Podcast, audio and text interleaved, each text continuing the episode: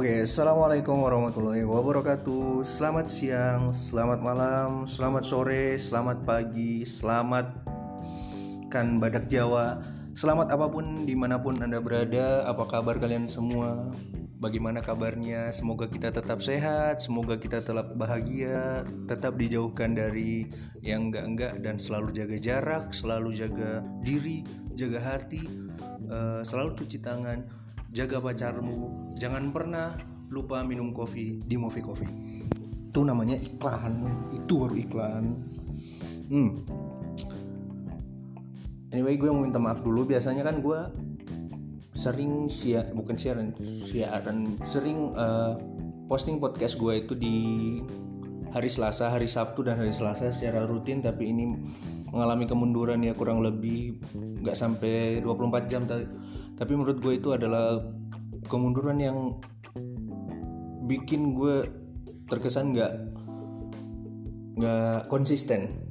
Nah gue minta maaf walaupun pendengar gue sejujurnya yang paling tinggi cuma 30 orang gue harus minta maaf semoga uh, besok-besok gue bakalan lebih konsisten lagi dan mungkin kalau teman-teman bertanya kenapa sih gue mundur jadwal upload podcast podcastnya?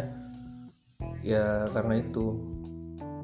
Karena HP gue ha, bukan HP sih pokoknya alat yang biasa gue pakai buat podcastan ya sebenarnya HP sama headset sih. Gue bawa ke kamar mandi Enggak, gue gue bukan mau melakukan hal yang kalian pikirkan bukan mau joli gue mau ke kamar mandi buat kan kamar mandi gue nggak ada penerangan. Dan gue nggak sengaja ngejatuhin HP gue dan HP gue ya semacam kemasukan air headset gue semacam kemasukan air gitu. Jadi akhirnya headset gue nggak bisa buat nggak bisa. Gue bicara gue bisa bicara tapi gimana sih headsetnya? Speaker apa apa sih? Ah mikrofonnya. Headset itu udah nggak berfungsi lagi. Tapi alhamdulillah HP gue jadi lagi. HP Cina memang is the best deh. Gue nggak rusak lagi. Nah sebenarnya nggak perlu klarifikasi itu juga sih ya. Karena siapalah gue ntar dibilang so artis. Tapi kalau dibilang so artis juga ya mau so artis apa? Orang pendengar gue paling tinggi tuh 30 orang. Podcast terakhir cuma 9 orang yang dengerin. Tapi ya demi itu demi waras demi gue bisa mengeluarkan apa isi pendapat gue gue tetap podcast terus biar walaupun yang mendengerin itu cuma 10 orang. Udah lah ya gue lanjut ke bahasanya. Nah sebelum gue masuk ke bahasan-bahasan penting biasanya gue kan promosi jualan teman-teman gue di akhir promosi apa yang gue dengerin tuh di akhir hari ini. Eh bukan yang apa yang gue dengerin sih. Gue bakalan promosi apa yang teman-teman mau bikin teman-teman mau rilis teman-teman mau jual di awal. Tapi kalau yang film sama lagu yang biasanya gue dengerin tetap di akhir. Nah, teman-teman, di podcast sebelumnya gue mendapat satu komentar. Akhirnya gue mendapat salah satu komentar yang cukup dibilang nggak positif sih, cuman ya nggak kayak komentar biasanya lah. Kalau biasanya kan komentarnya kayak komentarnya Mas Azam si anjing itu. Sorry Mas, maksudnya si anjing beda, Mas Azam beda. Maksudnya komentarnya Mas Azam selalu aneh-aneh apalagi komentarnya si anjing maksudnya si anjing komentarnya kuku kuk Azam I love you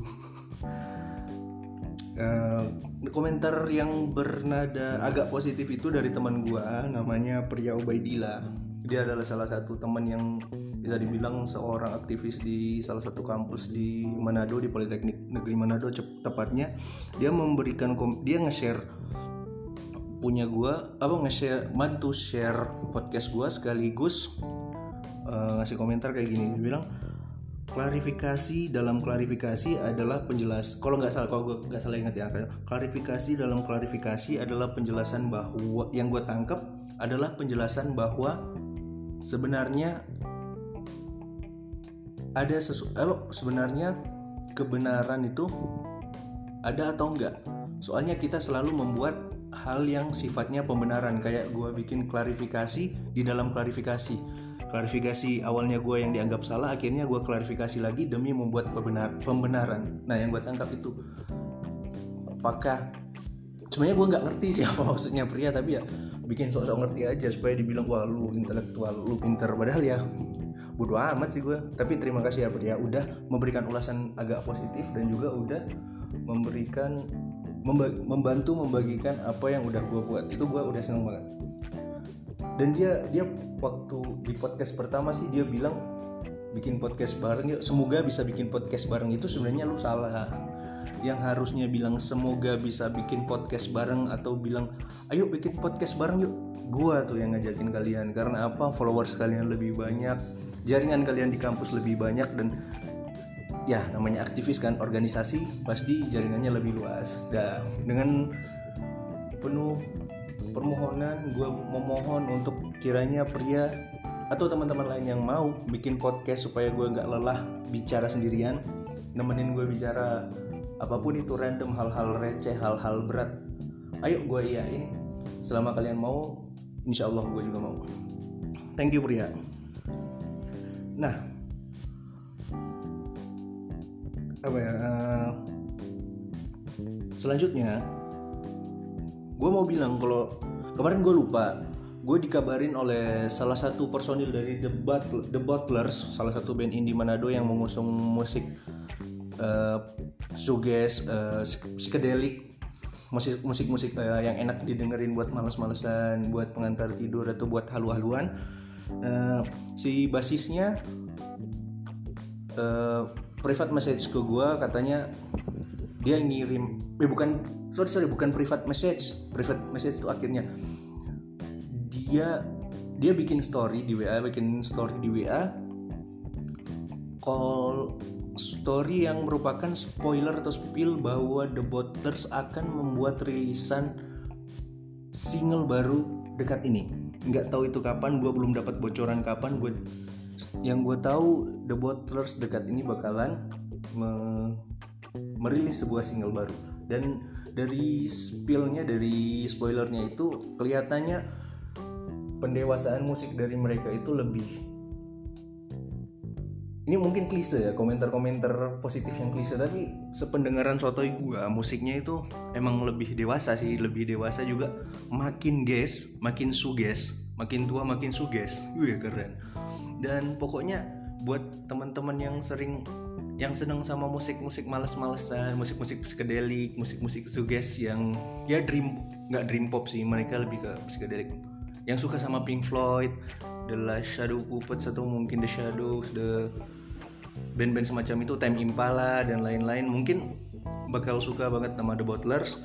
Jadi kita tungguin aja kapan The Butlers uh, bikin rilisan baru itu dan The, The Butlers udah udah ada rilisan digital di beberapa platform platform. Salah satunya itu di Spotify. Cari aja The Butlers uh, kalau duh gue lupa lagi albumnya. Pokoknya cari aja The Butlers Run and Fly. Ya Run and Fly.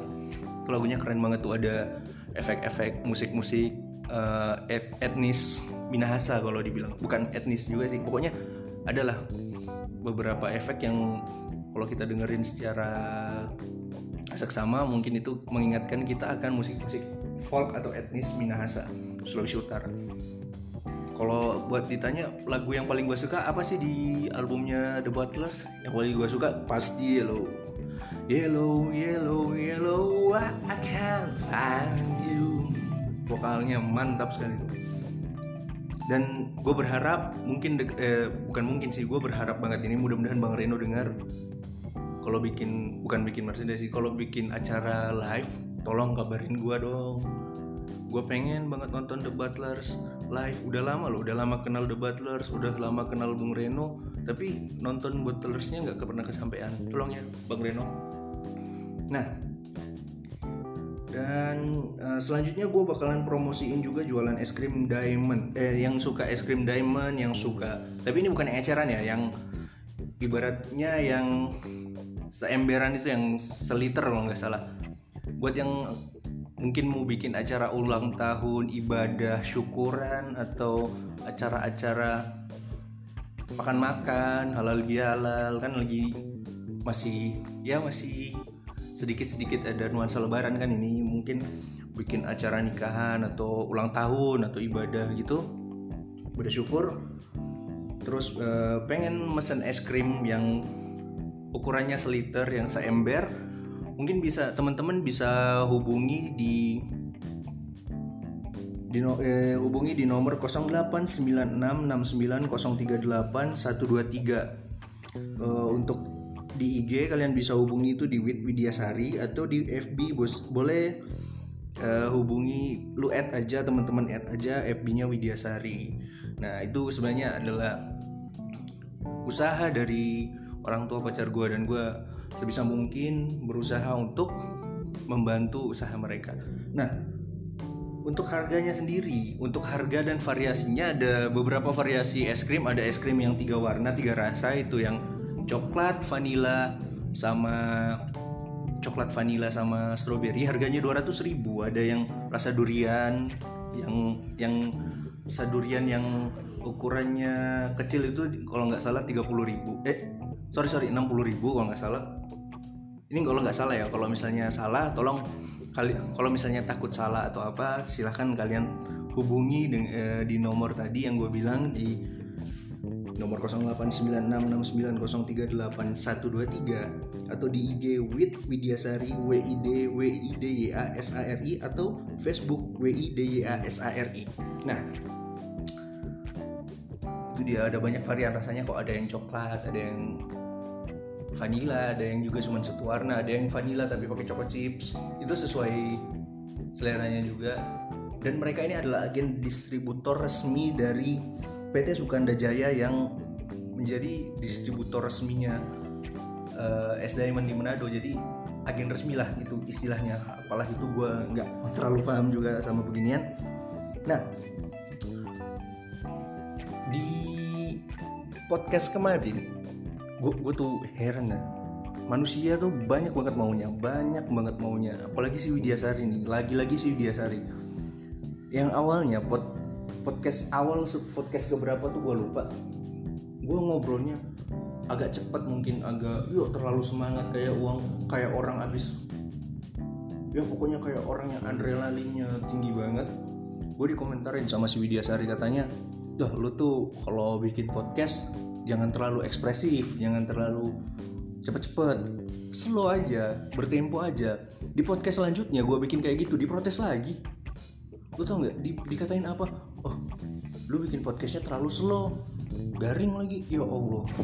Dia dia. Lu tuh maunya kayak gimana sih? Gue bikin yang lu mau katanya gue mesti slow salah. Gue cepet-cepet salah. Lu mau gue nikah sama lu?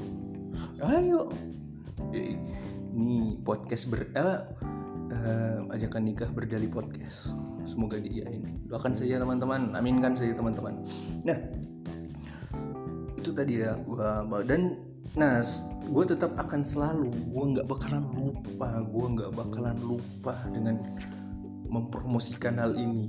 Jangan lupa teman-teman dengerin podcastnya Bang Awalika Putra sama Mas Azam. Mas Azam kemarin sempet uh, sempet ngambek karena kenapa di podcast lu yang dipromoin cuman podcastnya bang eh, cuman si bang putranya padahal di dalam podcast bla bla bla itu ada Mas Azam. Ya udah Mas Azam. Jangan lupa ya dengerin. Mas Azam jangan lupa dengerin podcastnya Mas Azam sorry. Jangan lupa ya teman-teman tetap dengerin podcast bla bla bla. Dan juga jangan lupa follow IG-nya Bang Putra at put aduh lupa lagi. Pokoknya Azam Anhar cari aja. Sama Putra Awalika Putra. Cari di IG. Tambah-tambah followers kalian amin ya Allah. Nah supaya nggak terkesan garing-garing amat dan supaya bukan terkesan seperti marketing dadakan nah FYI for your information iya. Yeah. gue tuh dulunya adalah seorang yang pernah bergabung dengan komunitas stand up Indo Manado waktu gue zaman zaman kuliah sebenarnya gue sampai sekarang merasa tetap uh, tetap merasa sebagai keluarga besar stand up Indo Manado cuman gue udah jarang ngumpul sama teman-teman ya karena mungkin tuntutan kesibukan karena mungkin juga gue modalnya kurang jadi ke sana kemari masih ya butuh modal untuk keliling-keliling Manado untuk keliling-keliling jalan ke open mic. Gue minta maaf banget semuanya sama teman-teman. Gue masih merasa diri gue sebagai keluarga stand up Indo Manado kok. Gue masih mencoba untuk mempromo-promokan apabila teman-teman ada acara, ada open mic. teman-teman jangan lupain gue ya wal khususon Kelo dan kawan-kawan Aldi Akuba. Nah gue juga selain tadi podcast bla bla blas gue baru ingat kalau misalnya temen-temen dari stand up Indo Manado si Rigal Aldo Adit sama Elric Lansuca 3 lucunya tuh di sini ger ger ger iya. Pus. Uh, itu mereka bikin podcast nama podcastnya keberatan. Lu cari aja di YouTube. Udah ada YouTube. Podcast keberatan by stand up Indo Manado udah ada juga di eh, platform-platform uh, yang lain. Tapi yang gue kurang tahu platform apa. Yang paling pasti ada di Spotify. Nah yang di Spotify ini wajib, lo wajib dengar teman-teman ya dengar ya. Di podcast keberatan udah banyak episodenya dan audionya keren banget. Itu audionya keren banget. Support untuk anak-anak stand up Indo Manado selain uh, ini yang terakhir gue promosiin tadi kan udah bla bla blas udah podcastnya anak-anak stand up Indo Manado dan ini selain podcast gue ternyata ada podcast anfaedah tapi berfaedah. Maksudnya orang-orang yang ngobrol di situ ter kayak mabuk semua tapi obrolannya berisi semua tuh. Paham kan maksud gue nah coba lu dengerin podcast Surya Mart. Sebenarnya bukan orang-orang lain lagi tetap anak-anak di circle yang stand up Indo Manado tapi garis mabok kalau orang yang bilang. Si pokoknya digawangi oleh si Aldi Akuba sama Rigel lah pasti ada mereka berdua sama si Iqbal adminnya stand up Indo Manado. Nah si podcast Ceria Mart ini membahas tentang tongkrongan tentang musik ya tentang dunia permabukan di Manado kalau gue dapet ya lucu-lucuan receh-recehan anak tongkrongan. Jadi jangan lupa denger tiga podcast ini ya. Selain podcast gak nggak gagal. Apa? Semua podcast semoga nggak gagal. Eh, gue nih sering lupa. Gue udah mempromosikan podcastnya teman-teman gue si Bob bla bla bla. Walaupun ya emang awalnya gue cuman pengen jadi tim marketing dadakan tapi ya teman-teman seenggaknya dengerin juga lah podcast semoga nggak gagal ya. Share juga lah jadi ada empat podcast Manado yang wajib kalian dengar. Yang pertama bla bla blas, yang kedua podcast keberatan, yang ketiga podcast ceria mart, dan yang keempat podcast semoga nggak gagal. Wajib banget tuh. Empat bahasan yang berbeda. Yang satu tentang tongkrongan elit, yang satu tentang ya tentang sosial isu-isu sosial tapi dibahas dengan komedi yang satu tentang tongkrongan mabuk-mabukan dan yang satu tentang dengerin aja sendiri nah supaya terkesan gak garing nggak garing-garing amat gue bakalan membahas ini gue sebenarnya malu banget nih gue pengen banget sebenarnya antara malu dan antara karena gue nggak punya panggung. Jadi malu itu gue kesampingkan karena gue sebenarnya ya pengen banget panggung. Gue dulu kan anak stand up Indo Manado dan udah makin kemari makin lama gue udah jarang open mic. Tapi jujur aja gue masih sering lah. Kalau ada waktu luang gue nulis materi. Kalau misalnya ada obrolan sama pacar gue apa sama teman-teman gue kalau misalnya obrolan itu gue rasain lucu ya gue tulis itu sebagai materi gue observasi gue gue bikin formulanya sebagaimana mungkin buat terkesan lucu. Nah satu hal yang sebelum gue langsung ke topiknya gue tuh satu hal yang gue sesali adalah kenapa gue paham cara penulisan komedi gue paham bagaimana caranya gue untuk menjadi uh, seorang seorang yang tampil sekaligus seorang pendengar supaya uh, ibaratkan sense of comedy itu tetap jalan. Wih bahasanya. Gue baru paham itu ketika gue udah jarang masuk komunitas jarang open mic. Dulu waktu gue open mic waktu gue waktu gue waktu gue rutin open mic waktu gue rutin bareng anak-anak stand up Indo Manado gue taunya nulis nulis yang penting lucu.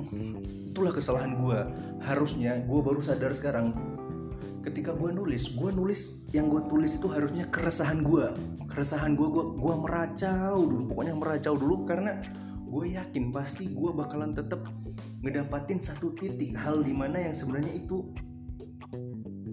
ya dialami orang-orang dan menurut orang-orang itu lucu. Tapi mereka belum belum sempat mengutarakannya. Jadi ibaratkan gue ibaratkan kalau lagu nih ya gue menyuarakan gue atau gue bikin lirik yang wah orang-orang dengar wah ini lirik gue banget nih ini lirik gue banget. Nah gue gue baru tahu formula itu dalam berkomedi. Na- nanti ketika gue udah jarang sama anak-anak komunitas jadinya ya gimana ya akhirnya gue mencoba diri mencoba mencoba menyesuaikan diri ya nulis sesuai apa yang gue bisa. Dan tapi ya kebanyakan apa yang gue tulis itu materi-materi gue nggak pernah gue bawain. Kebanyakan nggak pernah gue sharing sama teman-teman anak-anak stand up Indo Manado atau anak-anak dari silver silver kom yang komedi sense sense of komedinya itu tinggi. Nah di sini gue gue coba lah gue coba. Gue coba bahas tentang catatan-catatan stand up gue yang nggak pernah gue bawa mau ini receh atau apa yang semoga kalian menerimanya. Soalnya gue malu tapi ya bawain aja lah. Ini yang pertama nih premis orang ngorok. Ah, jangan jangan jangan jangan ini orang ngorok nih. Ya biasa aja sih menurut gue ini catatan-catatan gue tapi nggak rampung. Jadi jangan bukan nggak rampung sih maksudnya mungkin punchline-nya nggak dar der dor. Jadi ya lu ya sebagaimana biasanya jangan berekspektasi tinggi. Nah ini gue tulis tentang orang yang bau kaki. Menurut gue orang yang bau kaki ini tapi gini ya bebas ya kalau lu tuh bau kaki atau enggak bebas. Tapi gini kita juga punya wewenang hak dan rasa kebebasan untuk dapat udara segar yang masuk ke dalam paru-paru kita. Bukannya tuh gue nggak pernah bau kaki.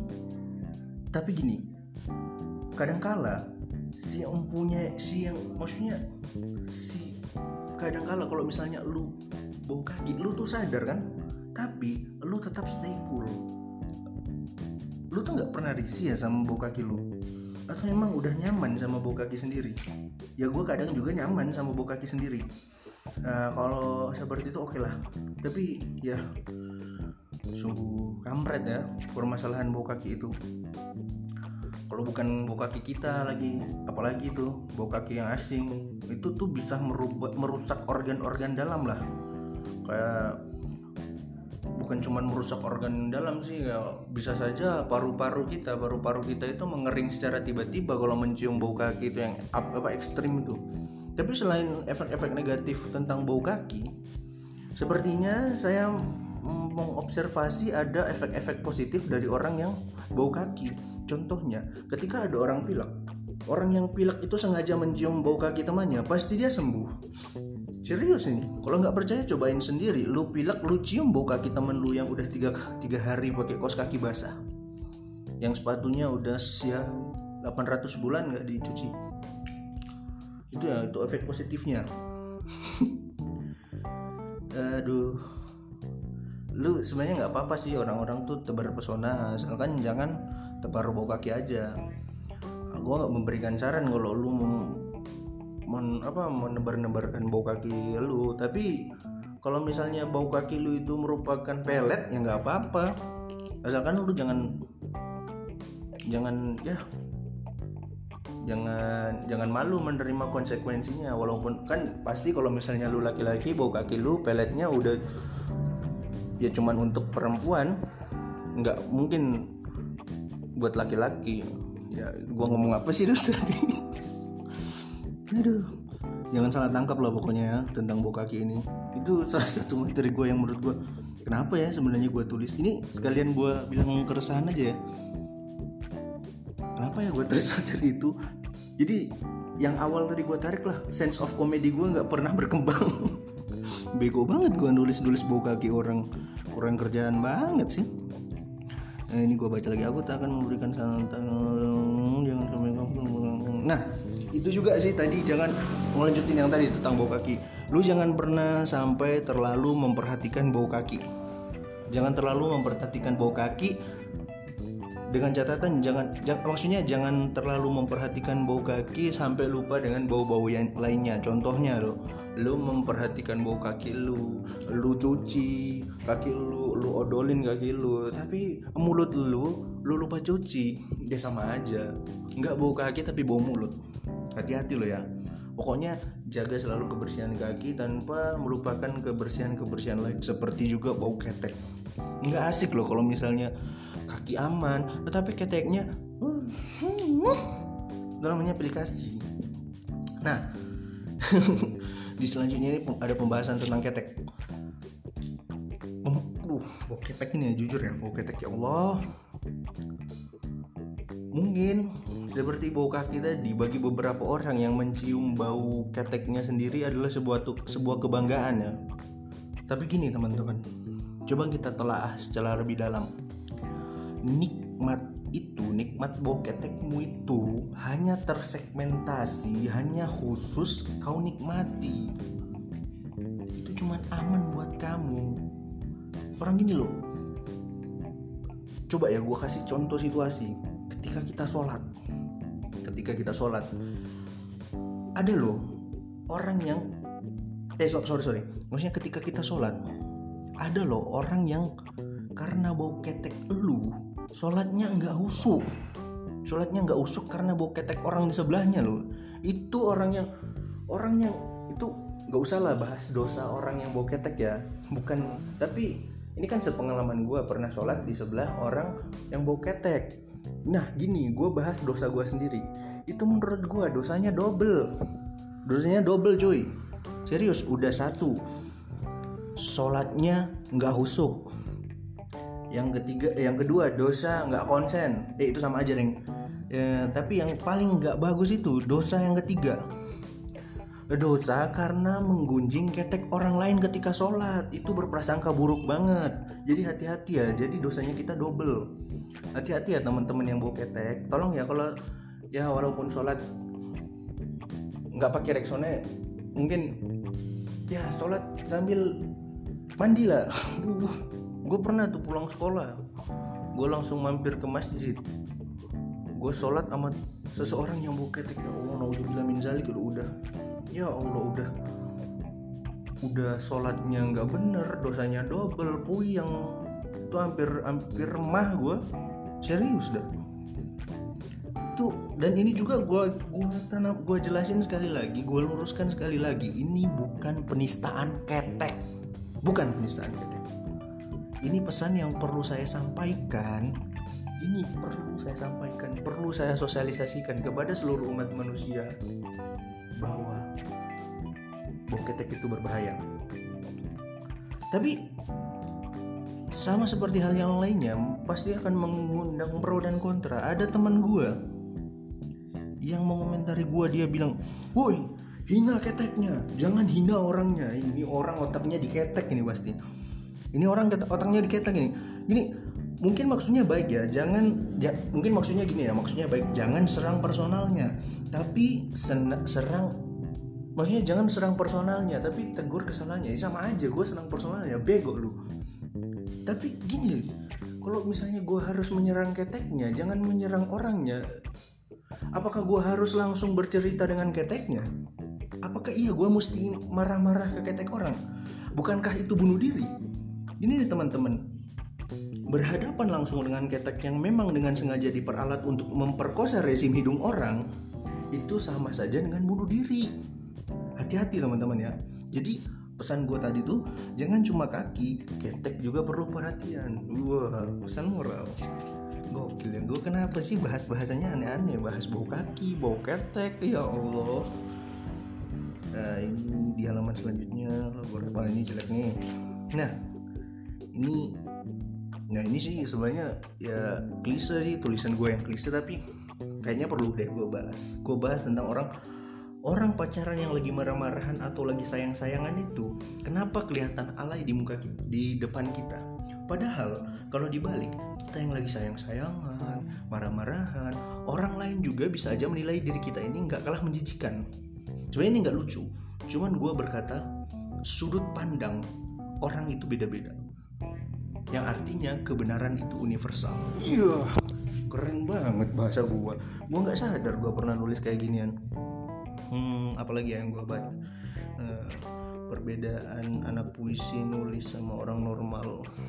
Kayaknya udah banyak di Instagram. Nah masih membahas bau ketiak yang tadi. Sebenarnya ada tiga level-level bau bau ketek ada tingkatan bau ketek itu ada tiga. Yang level pertama itu nggak terlalu bau ya paling-paling kena mata mata langsung pedes. Itu yang pertama. Yang kedua sudah mulai membuduh baunya. Itu akibatnya bisa merusak organ dalam. Itu yang tadi paru-paru kering usus buntu itu. Itulah salah satu efek buruk dari bau ketek ya. Dan yang ketiga bukan level 3 sih level 30 ini ini level jahanam nih ini level sang pawang. Levelnya ini sang pawang sang pemilik ketek. Sang pemilik ketek nih aja yang punya keteknya. Pawangnya tuh ketek yang bau kalau nyium bau keteknya sendiri bisa pingsan bayangin loh. Bisa pingsan bakal mat, bahkan mati. Itu level tertinggi tuh. Nah kalau tingkatan bau kaki sempat pengen gue bahas tapi yang gue nggak tahu ya karena gue nggak pernah nyium nyium bau kaki orang. Nggak pernah maksudnya nggak pernah sengaja gue nyium nyium ya bukan juga berarti gue pernah sengaja menyium bau ketek orang buat buat tahu levelnya nggak gitu cara mainnya. Pokoknya gue males aja tulis tentang bau kaki dan waduh gue gue bego banget masa gue nulis kayak gini. Idealisme gampang goyang. Contohnya nggak mau punya pacar bau kaki. Tapi kalau pacarnya milih miabi tapi tetap bau kaki gimana? Duh masa pertanyaan gue kayak gitu. Agak bener nih hidup. Nah lanjut. Nah gue pernah gue pernah bahas nih tentang salah-salah penempatan kalimat sama tentang konotasi. Nih bayangin aja ya ketika ada seseorang pembawa acara dia typo mulutnya typo bahas kayak gini eh, bukan typo sih udah malah ketuker malahan berita pertama di Burkina Faso, ribuan rumah hancur karena hantaman puting Di Burkina Faso, di Burkina Faso, ribuan rumah hancur karena hantaman puting Maria Ozawa. Nah, itu kan salah. Baru berita selanjutnya. Maria Ozawa memiliki payudara dengan puting beliung kecoklatan yang menghamburkan ribuan rumah. Nah, itu bahayanya. Duh kok datar banget. Itulah bahayanya salah penempatan kalimat. Nah, ini nih yang lanjut nih sebenarnya gue tuh heran dari dulu banyak ini bahas bahasan tentang uh, apa sebenarnya yang salah karena dari dulu orang-orang tuh ketika ada orang tawuran katanya cuman karena salah bicara bukan salah bicara cuman karena saling caci maki. Nah yang gue tanya ini sebenarnya yang salah kata caci makinya atau intonasi pengucapannya itu yang harus kita garis bawahi. Karena menurut gue yang salah adalah cara pengucapannya cara pengucapannya. Contoh kayak gini nih. Uh, gak usah ribet-ribet ya kalau misalnya ada orang ketemu tuh orang ketemu misalnya dia mengatakan kata caciannya dengan marah-marah ya otomatis kita pasti marah ya. Woi babi. Nah itu pasti dia marah. Tapi walaupun dengan kata cacian dengan kita melontarkan kata cacian tapi konotasinya itu ya gimana ya konotasinya itu sok-sok imut ya. Babi. Pemainan itu kan orang-orang ya kesannya bukan marah kesannya bukan ngajakin berantem kesannya ya lucu aja. Nggak usah deh. Nggak usah kata cacian. Kalau misalnya gue bilang sesuatu aja yang bukan cacian tapi konotasinya ngegas lu pasti marah kayak gini. Bapak lo gue bikin gue bilang aja kata bapak lo tapi dengan konotasi marah. Bapak lo lu pasti marah kan? Lu pasti ada yang tersinggung kan? Jadi itu yang salah bukan kata caciannya menurut gue tapi yang salah adalah konotasi pengucapan kata cacian itu. Iya. Keren kan gue nah bahas apa lagi ya nah gue pernah nulis tentang kucing gue nih gue bacain ya. Gue adalah cowok yang suka kucing. Gue suka kucing. Kucing adalah hewan yang paling unyuk. Tapi kucing tapi kucing gue gue kasih nama anjing. Nggak salah kan? Karena nggak usah bahas masalah kucing gue yang bernama anjing mungkin memang bagi kalian dia itu adalah kucing yang krisis identitas. Ya iyalah. Kucing namanya anjing kalau itu kucing gue panggil anjing dia ngeong gimana? Anjing lucu kan? Nah dia aja nggak protes loh gue panggil anjing dia tetap ngeong. Nggak protes dia. Ya pokoknya menurut gue memberi nama anjing kepada kucing itu adalah sesuatu yang lucu. Dan kebetulan juga kan gue nggak boleh pelihara anjing ya di dalam agama gue jadi apa bukan agama sih di dalam keluarga gue jadi gue pelihara kucing aja dan kasih nama dia anjing. Jadi ya ibaratkan gue memelihara anjing dan kucing dalam sekali waktu gitu. Nah kadang juga gue suka ketawa ya dia malesnya ah, ini skip aja deh. Bla bla bla bla bla bla. Bla bla bla bla bla bla bla bla. Nah dan yang gue banggain ketika gue punya kucing yang gue kasih nama anjing. Mungkin dia adalah satu-satunya anjing yang ketika gue bawa ke masjid nggak bakalan viral nggak bakalan dapat cemooh nggak dapat ya nggak bakalan dianggap penistaan. Benar kan? Dan semoga kita semua nggak salah pergaulan ya. Entah apa. Nah ini gue nulis keresahan gue nih tentang ya bukan bukan materi stand up sih. Bukan bukan gue gak pernah menganggap itu materi-materi cuman gue nganggap tulisan lucu yang nggak lucu gue nulis nih tentang contoh pertanyaan menjebak dari cewek. Ah udahlah ntar pacarku lagi nah marah-marah lagi. Nah ini gue track kayaknya ini bakalan udah dekat-dekat kayak yang terakhir nih. Gue bakal bahas-bahas tentang SpongeBob. SpongeBob nggak tayang di Indonesia. SpongeBob bukan nggak ditayangin sih. SpongeBob banyak disensor lo tau karena apa? Menurut gua SpongeBob banyak disensor dan mungkin nanti ada alasan SpongeBob kenapa nggak ditayangin. Itu kenapa? Karena SpongeBob kartun yang mesum. Gini nih bukan permasalahan kita gua sange karena bisa ngeliatin Sandy ya karena ngeliatin Sandy. Bukan. Coba kalian pahami. Coba lu lihat Squidward. Kenapa titiknya di hidung eh kenapa titiknya di muka? Lu lihat kan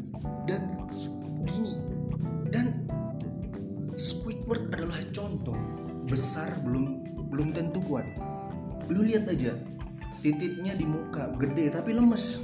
Coba bandingin sama SpongeBob. SpongeBob juga baru eh SpongeBob juga ya ini baru namanya aja kasar. SpongeBob dispongin Bob. Kita kan itu ya? SpongeBob itu ada artinya SpongeBob disepongin Bob itu mengajarkan hal-hal yang tidak baik kepada anak-anak. Itu buat yang salah ucap sorry sorry maksudnya. Nah bukan hanya Squidward SpongeBob juga mempunyai titik di muka. Lu lihat tuh. Tapi gue lebih prefer uh, membela si SpongeBob walaupun titiknya di muka. Karena apa? Si Squidward titiknya di muka lemas itu menandakan yang besar belum tentu kuat. Lu lihat si SpongeBob titiknya di hidung nganceng terus walaupun kecil. Ngaceng terus ya berdiri terus walaupun kecil. Lu tahu kan itu? Besar itu. Jadi walaupun SpongeBob itu mengajarkan se sebuah kemesuman secara tidak ini tolong ya forum pecinta SpongeBob jangan menyerang gua. Gue cuman memberikan ya sesuatu yang perlu dibahas aja. Walaupun SpongeBob itu mengajarkan tentang kemesuman tapi tapi gini. SpongeBob juga memberikan uh, pesan moral bahwa yang besar belum tentu kuat dan yang kecil belum tentu lemah. Camkan itu. Apalagi nih aduh ini kampret ya Allah. Nah ini ini yang terakhir nih. Gue membahas tentang gue ini yang terakhir nih. Gue bahas tentang bau iler di bantal. Anjir. Gila nih bau iler di bantal nih. Ada kan temen gue tuh si Juan dulu. Gue sama dia sama-sama dulu tinggal di mes di masjid. Juan ini merupakan salah satu teman gue yang krisis identitas. Lu paham nggak? Dalam dunia berbita binatangan, bau bau iler, maksudnya binatang itu akan selalu memberikan uh, memberikan tanda kepada tempat kekuasaannya. Dan menurut gua tempat kekuasaan manusia itu mungkin ditandai dengan bau iler. Dan si Juan ini pernah tuh sekali waktu dia bilang gini bau iler siapa nih? Padahal bantal yang dipegang adalah bantal yang dipakai dia tidur. Anjing tuh selalu lupa kan identitas dirinya sendiri. Bau iler aja bisa dilupain. Gimana nanti tuh pacarnya? Hati-hati ya yang mau pacaran sama Juan krisis identitas dia. Duh nggak terasa nih. Udah 40 menit. 40 menit gue ngoceh dari tadi. Kurang lebih ya 40 menit gue ngoceh dari tadi. Dan ya ada yang mungkin kalau ada baiknya teman-teman bisa ambil positifnya kalau nggak ada positifnya ya jangan maki-maki gue lagi. Itu aja sih. Nah sebelum gue nutup podcast hari ini gue mau berbagi lagu dan film apa yang barusan jadi tontonan dan juga uh, yang biasanya menemani keseharian gue gue biasanya eh, akhir-akhir ini biasanya sebelum tidur gue selalu dengerin lagunya Alt J yang Matilda ya, ini lagu yang keren banget sih. Uh, kalau buat gue overall si Alt J ini adalah band yang uh, menggabungkan unsur-unsur folk dengan unsur-unsur uh, efek-efek band modern. Jadi musik lu bayangin aja gimana karyanya musik folk yang pakai instrumen-instrumen modern. Dan dan lagunya keren. Se banyak banyak banyak lagunya yang puitis-puitis banget. Kayak si kayak lagu Matilda tadi itu liriknya terinspirasi dari film Kings ah oh, Leon the Professional. Si anak kecil tuh cewek Matilda. Itu filmnya keren. Lagu lagunya keren. Filmnya juga keren nggak kalah keren. Jadi buat film yang gue uh, rekomendasiin ada dua aja deh. Yang pertama film Knives Out yang kedua tadi Leon the Professional. Uh, film yang bercerita Leon the Professional tentang uh, seorang apa ya seorang pembunuh bayaran profesional tapi dia uh, jadi harus mau tidak mau meng mengurus anak kecil si Matilda itu tadi. Ya itulah lu mesti nonton tuh Leondra profesional. Ada drama-drama yang anti mainstream lah. Uh, film yang mengangkat tentang nggak boleh melakukan kekerasan kepada anak juga sih itu. Dan si Knives Out ini eh, dan selanjutnya film Knives Out ini film yang di dibintangi oleh Chris Chris Evans. Ada Chris Evans aduh gue lupa tuh. Ada juga yang yang main di 007 tuh yang yang baru 007 yang baru.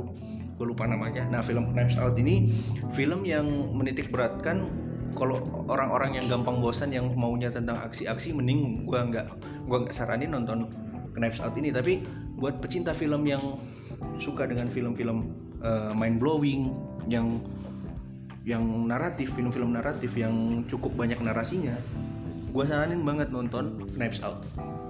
E, bercerita tentang e, pemecahan suatu kasus dalam keluarga itu bahwa sebenarnya siapa yang membunuh salah satu orang yang mati di situ.